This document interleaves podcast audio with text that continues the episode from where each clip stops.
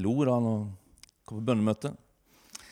Elisabeth stiger inn med faste steg, setter seg ned og sier hun, 'Takk, Gud, for at ditt ord står fast.' Der var det. og, så, og, så, innleder hun med det hun gjør, og så er det akkurat det som jeg tenkte jeg skulle tale i dag. Guds ord. Gud vil bygge et fundament. Og det er det, er det han gjør. Det det han vil gjøre. Og det vil han gjøre ved sitt ord. Vi har hatt en utrolig fin bibelskolestart i Grimstad. Jeg og Thomas står der og forundres daglig over det Gud gjør. Det er faktisk sant. Det er utrolig herlig. Og det er Noe av det som har vært mest herlig for min del, er jo å se Thomas. altså, for plutselig så ser man på en måte den, det som ligger på hans sitt liv. altså. Som vi har sett liksom lite grann av, og som jeg har sett lite grann av. Og nå har jeg gått ganske tett med Thomas et helt år. Men det som jeg ser på en måte de her dagene, det er liksom sånn her for meg fantastisk å se. Der fins en profetisk tjeneste over hans liv som jeg tror er for nasjonen. Så om to uker skal han preke her. Nå bare liksom liksom som, stiller litt forventninger. Legger litt forventningspress på han. Nei, det bærer han galant. Men det har vært fantastisk herlig å se. Helt ærlig. Jeg ante ikke hva som bodde der. altså, og det tror jeg ikke du heller gjør.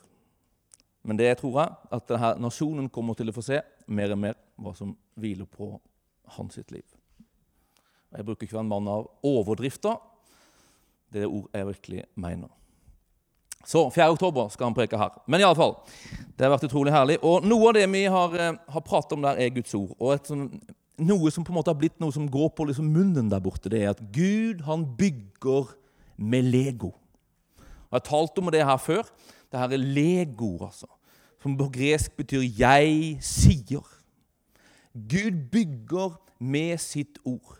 Og noe av det han vil bygge med sitt ord, det er et fundament.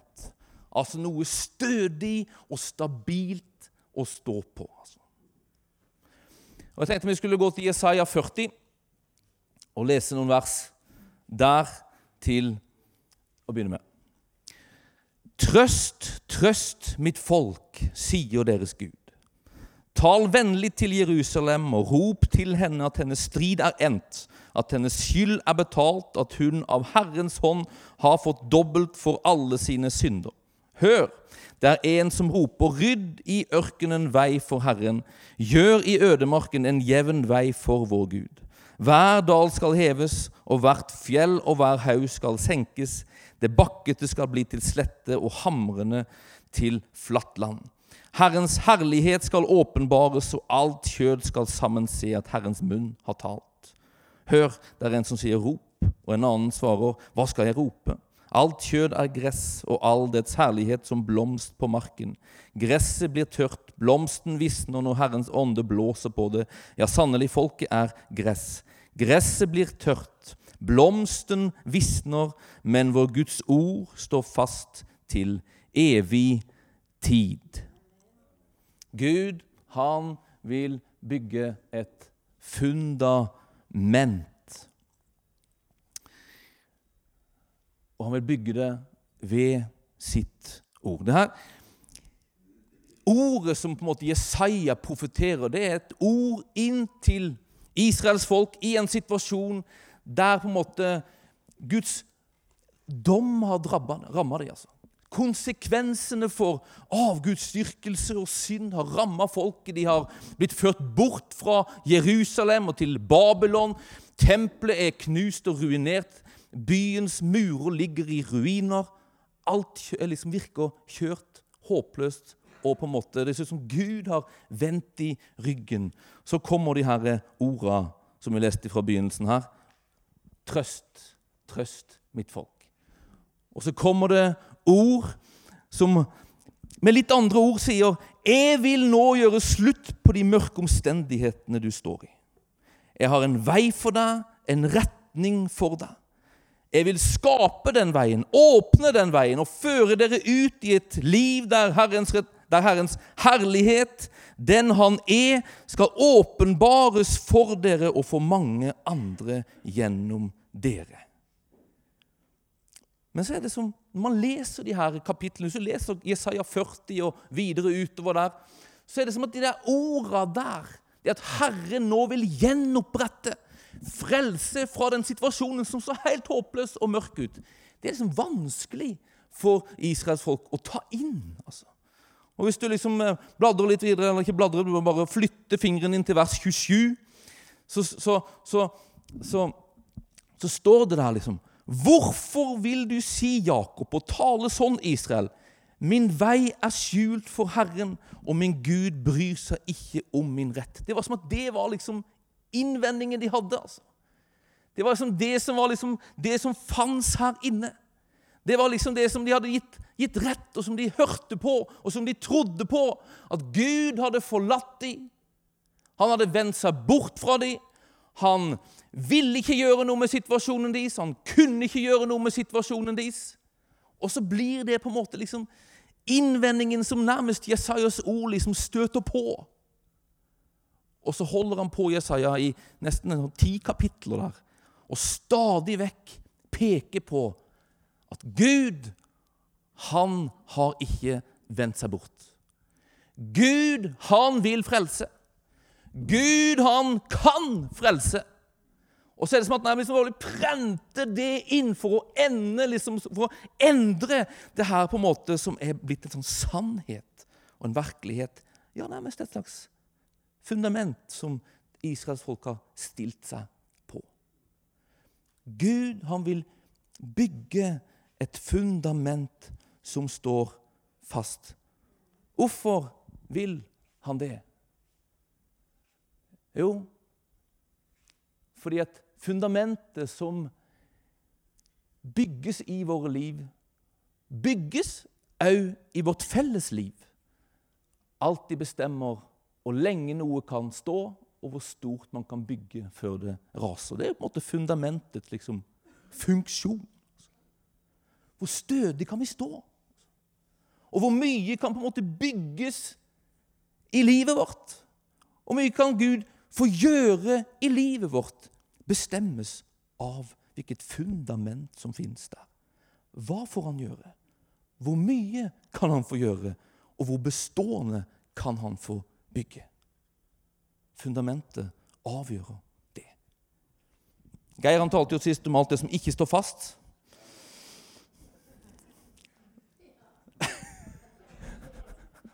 Og det er veldig, veldig sant. altså. Det er ikke en tale mot Geir, men i dag skal jeg tale om det som står fast. Altså, og jeg tror det er en forutsetning. Altså. At det blir bygd et fundament som vi på en måte kan feste vår lit til og stille våre føtter på, som er av Gud, og som ikke er av menneskelige tradisjoner og ting på en måte som, vi, som er som vi alltid har gjort det. Det er så lett det her at vi på en måte vi fester vår lit til, til sånn vi alltid har gjort det. Til tradisjoner. Men Gud ønsker å bygge et fundament som gjør oss trygge nok til å våge å gå utenfor våre tradisjoner når Han vil det. Og han gjør det hele tida. altså, altså, altså, jeg vet ikke hvor mange ganger jeg på en måte har fått bønnesvar. Og så når jeg har fått bønnesvar, så ser jeg at jeg har fått bønnesvar, men jeg har fått det på en helt annen måte enn det jeg hadde tenkt. Altså, altså Det er som at Gud nesten gjør sport av å gjøre ting på en annen måte enn vi tenker. Han nekter liksom å bli plassert i en boks. Men allikevel så har han gitt oss en ramme. Dette er ramma. Det er ramma for hans fleksibilitet. Det her kalles for det her kalles for Bibelens altså Bibelen er kanon. Du hva det betyr? Rettesnøre betyr det. Det er ramma for hva som på en måte Gud gjør, og hva han vil. Men i den ramma så rommer det ganske mye. Og han er fleksibel. Gjør hele tida noe nytt. Og det vil han gjøre. Men han vil gjøre det, og for at vi skal kunne klare det, så må vi nødt å stå på noe fast, på noe trygt. Er vi utrygge, har vi frykt, da tyr vi til tradisjonen. Garantert. Så det er ikke en tale mot Geir, det er derimot en tale for Geir og med Geir. Og det han talte for et par søndager siden. Gud ønsker å bygge et fundament. Jeg tenkte vi skulle gå til Hebreerbrevet 11, 6.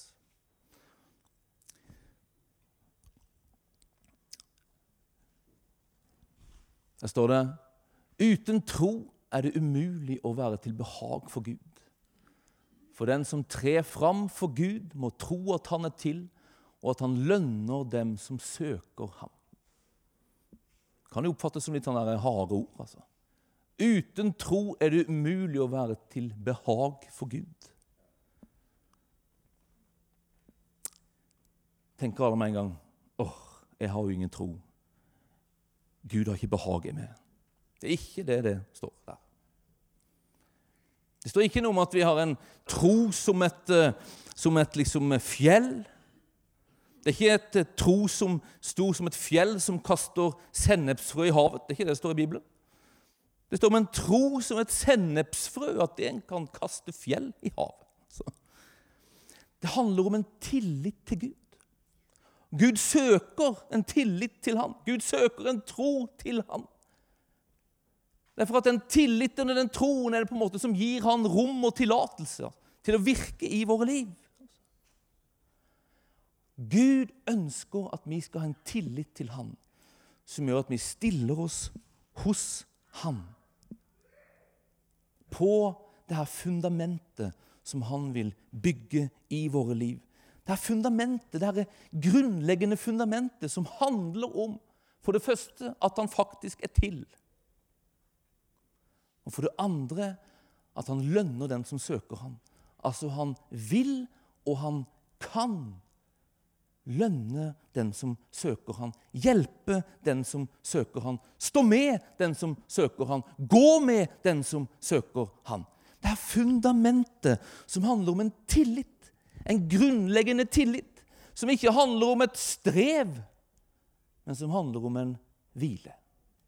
Som ikke handler om å føle seg liksom sterk og føle seg heftig, men som handler om å innse at han faktisk er akkurat det. Som gjør at når vi har det vanskelig, når stormene kommer og omstendighetene er vanskelige, så vet vi hvor vi kan stille oss. Vi trygger nok på Han til at vi tyr til Han. Stiller oss hos Han. Eller legger oss hos Han. Eller ramler ned hos ham.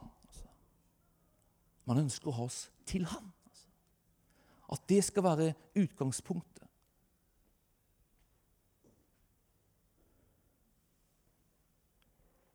Denne fundamentet er så utrolig, utrolig avgjørende. Jeg tror at han ønsker å bygge dette fundamentet. Fordi det bestemmer alltid hvor lenge noe kan stå, og hvor stort man kan bygge før det raser. Jeg tror at han ønsker å bygge dette fundamentet for at vi ikke skal se på våre forutsetninger når Herren ber oss ta steg, men at vi skal feste vår lit og vår tro til den Han er, og det Han vil gjøre. Jeg tror at han ønsker å bygge det her fundamentet for at når omstendigheter kommer imot oss, så kan vi stå fast i en tillit til hvem han er, og hva han gjør, istedenfor at vi fester tillit til det omstendighetene sier til oss. Altså, Han vil bygge fundamentet for at vi skal kunne stå på noe stødig og fast. Noe som er stødig nok og fast nok til at vi kan stå fast når stormen kommer. Og noe som er stødig nok og fast nok, som vi kan ta sats når han ber oss ta sats. Bill Johnson sa noe utrolig bra. Han sa, han sa The acting faith, altså den troen som handler og tar steg, den hviler på skuldrene til en hvilende. Altså en handlende tro må hvile og stå på en hvilende tro. Altså Det er bare når vi er trygge på at Han er til, og på at Han vil og kan lønne oss, være med oss, hjelpe oss, at vi våger å ta steg. Og det er bare denne tilliten til at Han fins, og at Han vil og Han kan hjelpe oss, at vi klarer å stå fast i mørke omstendigheter. Altså Gud bygger det her fundamentet, det her grunnleggende, den grunnleggende tilliten til Han, som ikke handler om en kjempeaktiv tro og 'jeg er stor og jeg er mektig', jeg tror, men en hvile altså, i hvem Han er. En trygghet i den Han er. Guds fundament bygger han ikke liksom under våre føtter sånn fysisk. Han bygger det i våre hjerter. En trygghet, en fasthet, en tillit til Han som er så utrolig avgjørende for oss som enkeltmennesker, men også for oss som menighet. Altså. Vi må stole på den Han er. Ja, Nærmest liksom hjertene se altså, hvem Han er. For at vi skal våge å ta de stegene som Han vil at vi skal ta. Jeg tror Gud har store, store planer og store tanker for denne menigheten. altså. Jesaja han skriver sånn at hans veier er høyere enn våre veier, og hans tanker er høyere enn våre tanker. Altså, han vil sprenge liksom våre fornuftige og naturlige på en måte, analyser. Altså. Men for at vi skal kunne liksom handle på noe som overgår vår forstand og vårt fornuft, så behøver vi å stå kjempestødig. Altså i en enkel tillit til at han vil, og han kan.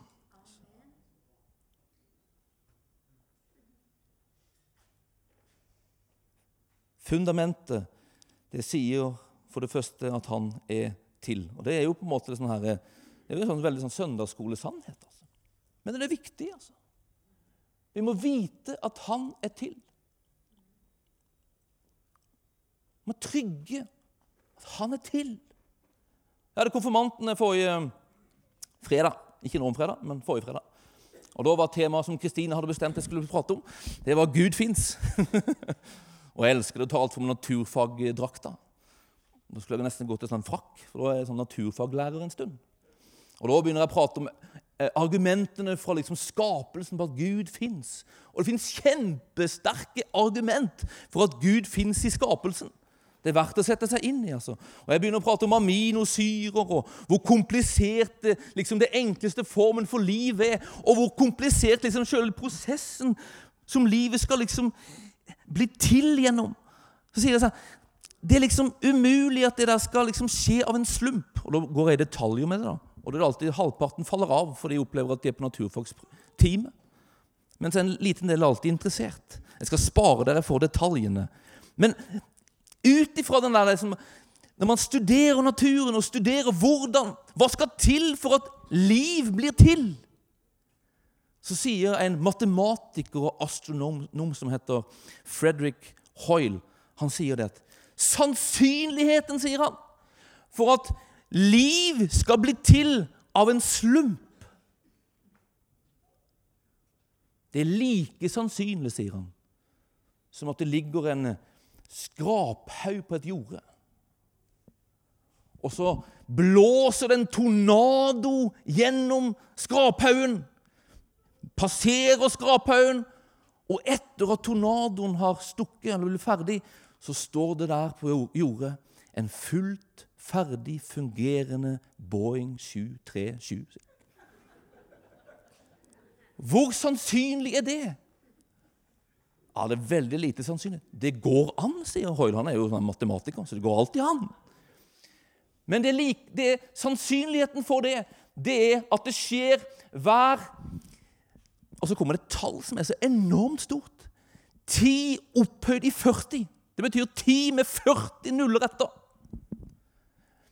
Det skjer én gang hver 10 med 40 nuller etter. Altså. Men det er et enormt stort tall. altså. Så sannsynlig er det.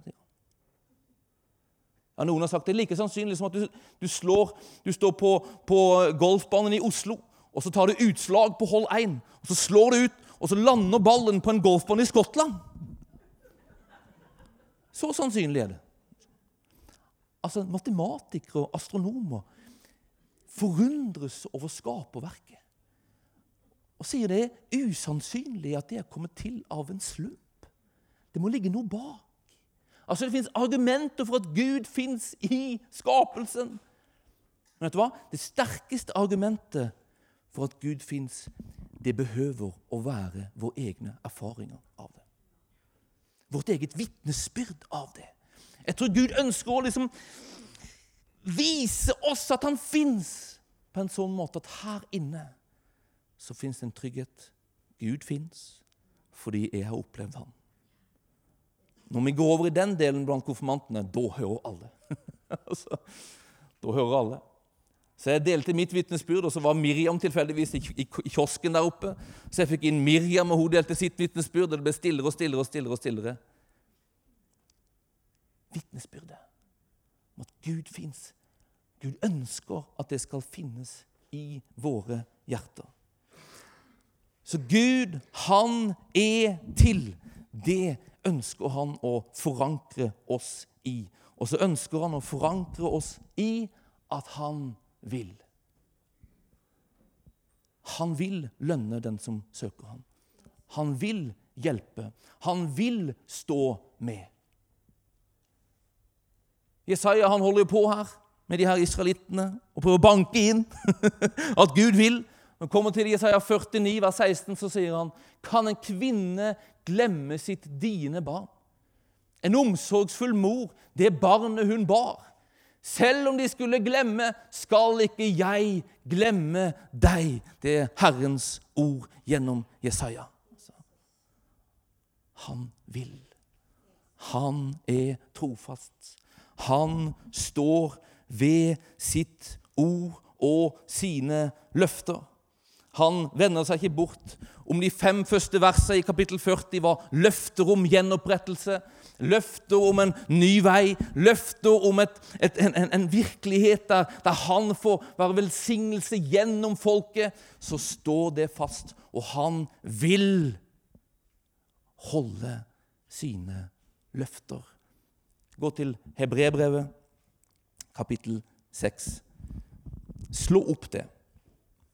Jeg vil at vi skal lese fra vers 13 der istedenfor bare fra vers 18.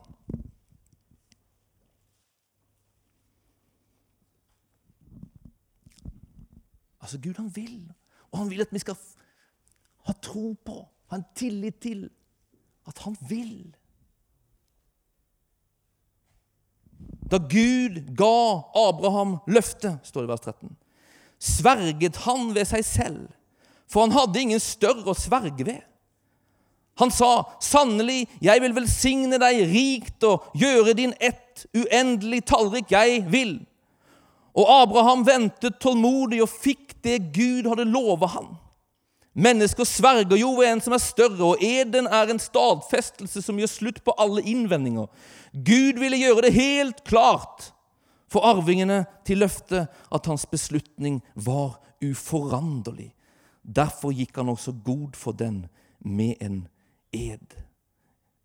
Eden er en stadfestelse som gjør slutt på alle innvendinger, står det vers 16. Gud vil gjøre slutt på alle innvendinger om at han vil stå ved sine løfter og sitt ord. Vers 18. Med løfte og ed. To ting som ikke kan forandres. Og Gud kan ikke lyve. Skulle vi ha en mektig trøst vi som har søkt tilflukt ved å gripe det håpet som ligger foran oss. Dette håpet er et trygt og fast anker for sjelen. Det når innenfor forhenget, dit Jesus gikk inn som forløper for oss, han som til evig tid er blitt øverste prest av samme slag som Melki Sedek. Løfte og ed To ting som gjør at håpet vårt er sikkert. Håpet vårt er sikkert. Dette håpet, det er det håpet som på en måte vekkes av Guds løfte og Guds ord. Det er håpet som vektes for Israels folk. Det er håpet som vekkes for oss når han sier at han skal gi den trøtte ny kraft. Det er håpet som vekkes i oss når han sier at ved hans sår har vi blitt helbredet. Det er håpet som vekkes når hans ord og hans løfter kommer til oss. Det her er håpet. Det er ikke et usikkert håp. Det er ikke et usikkert håp som, som vi kan vekke når vi prater med hverandre. Det er et fast og sikkert håp. Fordi han som har gitt det, han vet alle forutsetninger. Altså Det oppstår ikke nye forutsetninger som gjør at han må forandre det han sier. Han har kalkulert alt. Han vet at han kan stå for det. Han vet at det her er veien. Og han som ikke kan lyve, han har inngått ed på at det står fast. På at han vil. Han vil holde sitt ord. Det gjør at det er håpet det kan få være et fast håp. Fordi grunnen det er festa i, er fast.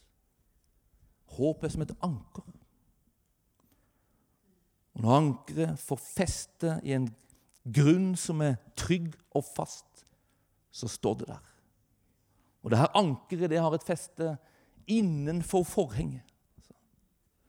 Altså det er ed, det er et løfte, og så er det et fullbyrda verk på Golgata kors. I Jesus Kristus har alle Guds løfter fått sitt ja og sitt amen. Det betyr ja, la det skje. Ja, jeg vil.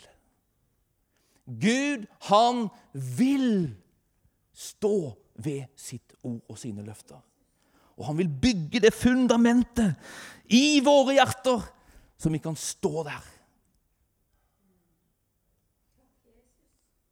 Han vil det. Og så kan han det. Dere vet jo det, dere som er foreldre, at vi vil jo mye. og hjertet sier at vi vil, vi vil, vi vil, vi vil i forhold til våre barn. Men det er ikke alltid vi kan det. Men Gud, han som garanterer med ed at 'jeg vil det', han kan. Han kan. Catherine Kullman hun skrev de her bøkene. Gud kan. Gud kan. Og han kan. Jesaja han vil òg prente inn i israelittene at han kan. Og Så sier han sånne her ord. Han sier det flere ganger i de her kapitlene. Så peker han på Guds allmakt. Han kan. Hvem har målt vannene med sin hule hånd? Og målt ut himmelen med sine utspente fingrer og samlet jordens muld i skjeppe og veid fjell på vekt og hauger i vektskåler. Salme 19 tror jeg det står, så står det at skapelsen vitner om Herrens storverk. Skapelsen vitner om hans makt og mye han kan. Altså. Hvor mye han kan. Hans ord peker på hans allmakt. Og han vil ved sitt ord på en måte produsere en sånn tillit til at han kan. Altså. Han bygger med Lego. Han bygger med sitt ord. Så som Elisabeth gjorde, bygge fundament. Det handler om å gå til hans ord. Altså. Søke seg til hans ord. Og se at han vil. Og se at han kan. Skapelsen vitner om hans storverk, og det er jo interessant, altså. Han har spent eller Han har målt ut himmelen med sine utspente fingre. Altså, han har spent universet mellom sine fingre. Ja. Er han stor? Er han større enn dine og mine omstendigheter? Er han større enn våre økonomiske behov? Han er større.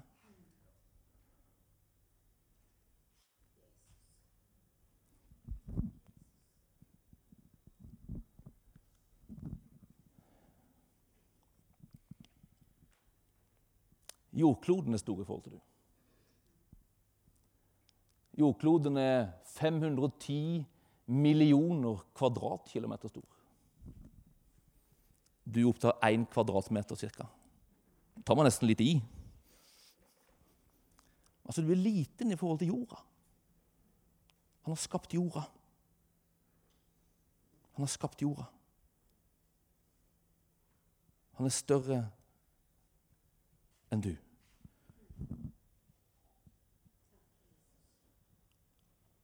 Men han er større enn jorda. For jordkloden er bare en liten, liten del av vårt solsystem. Vårt solsystem har jo én sol. Altså har, Det er stjerna. Den har én stjerne, det er sola, i vårt solsystem. Og sola er jo fryktelig stor.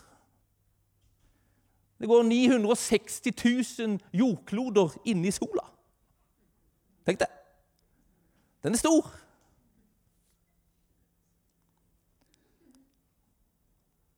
Det er ganske langt unna. Åtte minutter bruker sola, lyset fra sola, å nå hit.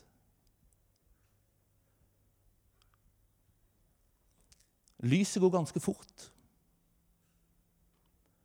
Lyset rekker rundt jorda sju ganger på ett sekund. Så fort går lyset. 300 000 km i sekundet er farten på lyset. Og det bruker åtte minutter fra sola og hit. Den er ganske langt unna sola. Vi skal være takknemlige for det. altså, den er stor, og den er varm. Altså. Så jorda er ganske liten den altså, sammenlignet med sola. Og Sammenlignet med vårt solsystem så er vår jordklode en ganske liten del av det.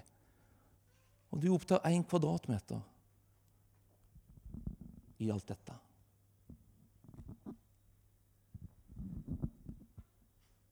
Men at vårt solsystem er jo ganske lite i forhold til det her universet som Gud har spent mellom sine fingre. For solsystemet er bare en liten del av vår galakse, som heter Melkeveien. Og Sammenligner du solsystemet vårt med Melkeveien i størrelse, så er det som å legge en kronestykke på kontinentet Nord-Amerika. Så stor er Melkeveien sammenlignet med vårt solsystem. Nærmeste stjerne som vi kan se foruten vår egen sol, den ligger 4,3 lysår borte. Det betyr at den nærmeste stjerna som er du kan se på stjernehimmelen, det, det lyset vi ser, det gikk ut fra den stjerna for fire år siden. Det er ganske langt. Man, man tror at vi kan se stjerner på himmelen som, som ligger 4000 lysår borte. Det betyr at lyset gikk ut fra den stjerna når Abraham gikk her på jorda. Melkeveien er en stor galakse med milliarder av stjerner. Vet du hva? Melkeveien er ikke den eneste galaksen i dette universet som Gud har utspent mellom sine fingre. Man tenker seg at det finnes milliarder av galakser i et univers som er milliarder av lysår stort. Han har utspent universet mellom sine fingre. Gud han er grensesprengende stor, han. Han er mektig, han. Og han kan holde sitt ord. Han kan gjøre noe med våre omstendigheter. Han kan backe sine løfter. Og han ønsker å etablere et fundament der vi ser noe av det her med hjertene våre. Der vi forstår noe av det med hjertene våre, hvis vi kan det. Og der vi framfor alt får tillit til det i våre hjerter. I en sånn grunnleggende tillit. I at han het til, og han, han vil, og han, han kan.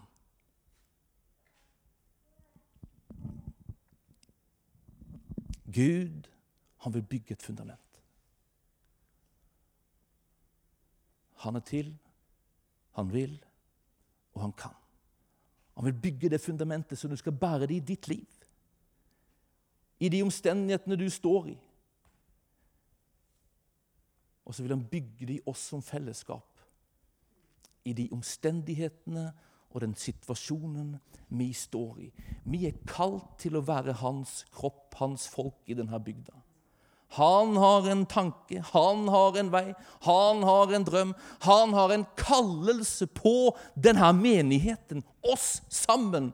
Og min venn, jeg tror at det er noe som er høyere enn våre tanker, og som er høyere enn våre veier. Som ikke handler om at vi har kalkulert noe og funnet ut hvor mye vi kan få til, men som hviler i noe han vil, og noe han har sagt, og som hviler på et fundament av hvem han er, ikke hvem vi er. Han ønsker å bygge det fundamentet. Han ønsker å gjøre det på område etter område i ditt liv. En sånn trygghet, en sånn tillit, som gjør at vi står fast i alle omstendigheter, og som gjør at vi har noe trygt, noe fast, og noe å stå på for å ta kliv ut ifra det er fjellet som er så solid at ingenting kan rokke det. Ingenting kan rokke det. Men Gud, han har tenkt storhet for ditt liv, og han har tenkt storhet for oss som menighet.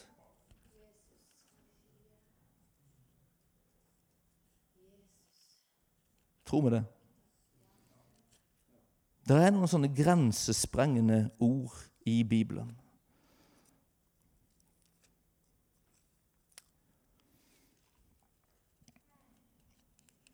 Jeg tenkte jeg skulle lese ett til slutt, hvis jeg finner det.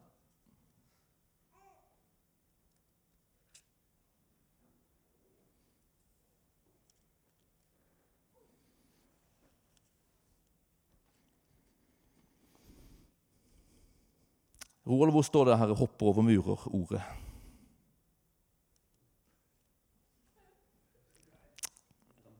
Ja, det, er salmene. Nei, det er salme. Det er salme 18.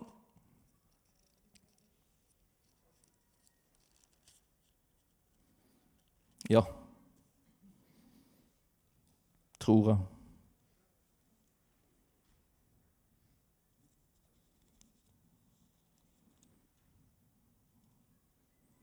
Nei, kanskje ikke.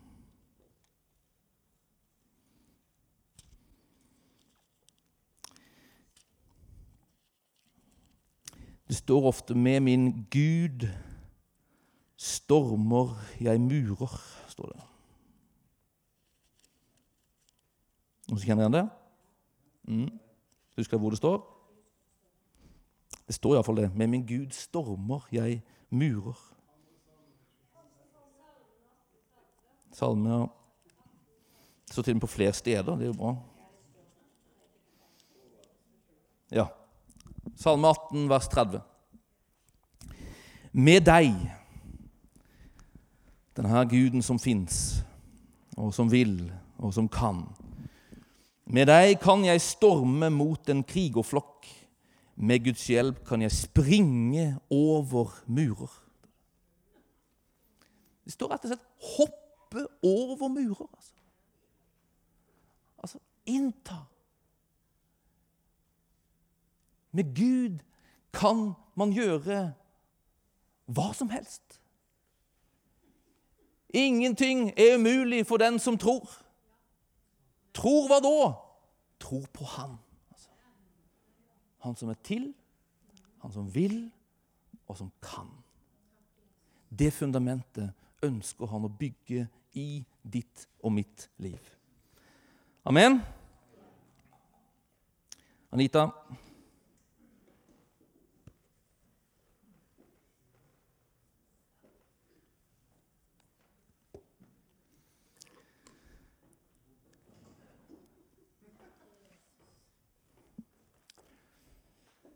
Led oss i lovsang. Det her er på en måte sånn her grensesprengende. Kan det være sant? Kan det virkelig være sånn? Det her er en sånn ting som må bli åpenbaring for oss. altså. For med en gang så går vi i gang liksom i vår tankevirksomhet og kalkulerer hva som er fornuftig og hva som er, er, er logisk. og, og, alt sånt der. Og og og så er Gud grensesprengende, altså. Og han vil at vi skal ha en tro som sprenger grenser. Altså Han vil at vi skal være et folk som sprenger grenser. altså. Husker Gunnar Bergling han fortalte meg når arken ble til. Og da hadde De på en måte sagt, de hadde fått et ord fra Gud om at de skulle, altså, de skulle Det var så enormt stort. altså. Visjonen var de skulle ha bibelskole, de skulle ha eh, eh helbredelsestjeneste, de skulle ha misjonsvirksomhet. Linda hadde fått visjonen 'bygg 60 hus over verden' bibelskole, de så bokforlag. altså De så det, opplevde Gud talte det til dem. altså. Og de hadde en ganske stor skare som brukte å, å liksom være på de sine vekkelsesmøter. og alt sånt der. Så de, når de kalte sammen nå skal, vi, nå skal vi grunne arken. Og det skal bli det her og det her og det her. Og De hadde en, ganske mye folk samla på sånn visjonsdeling, og de, de liksom delte sine visjoner, for Gud hadde talt. Og de tenkte seg nå kommer gjensvaret til å bli enormt her. Og vi kommer til å få en stor skare som kommer til å følge oss. Og vi kommer til å innta alt det her. Vet du mange som kom? Vet du mange som ble med? Linda og Gunnar og sju til. Der sto de da. De var sju, og så hadde de ordet fra Gud. Men de hadde, de hadde gjort en erfaring i sine liv av at han fantes, av at han ville, og at han kunne. Så de var sånn Gud kan. Og det Gud har talt, det vil han. Vi tror at han har talt, og da stiller vi oss her. Og så forkynner vi det ut. Vi proklamerer det ut. Det der skal bli til. Altså. Hva ser vi? Hva ser vi vokse fram på det stedet? Det er bibelskole, det er misjonsprosjekter i 20 land, det er bokforlag, det er helbredelsessentre. Det vokser opp fordi noen tok et ord, stilte seg på fundamentet av hvem Gud er, ikke på hva de hadde tilgjengelig i sine liv og sine kompanjongers liv, men de stilte seg der. Og så ble det utgangspunktet for å stå når stormene kom, og så ble det utgangspunktet for å ta klivet over murene. Innta det Gud hadde for dem. Det er en sånn Gud vi har. Og han vil bygge det fundamentet med Lego. Altså. Han vil bygge det med sitt ord. Altså. Så at vi stadig stødigere får stå på det. Han er til. Han vil, og han kan. Ledes til sang, Anita.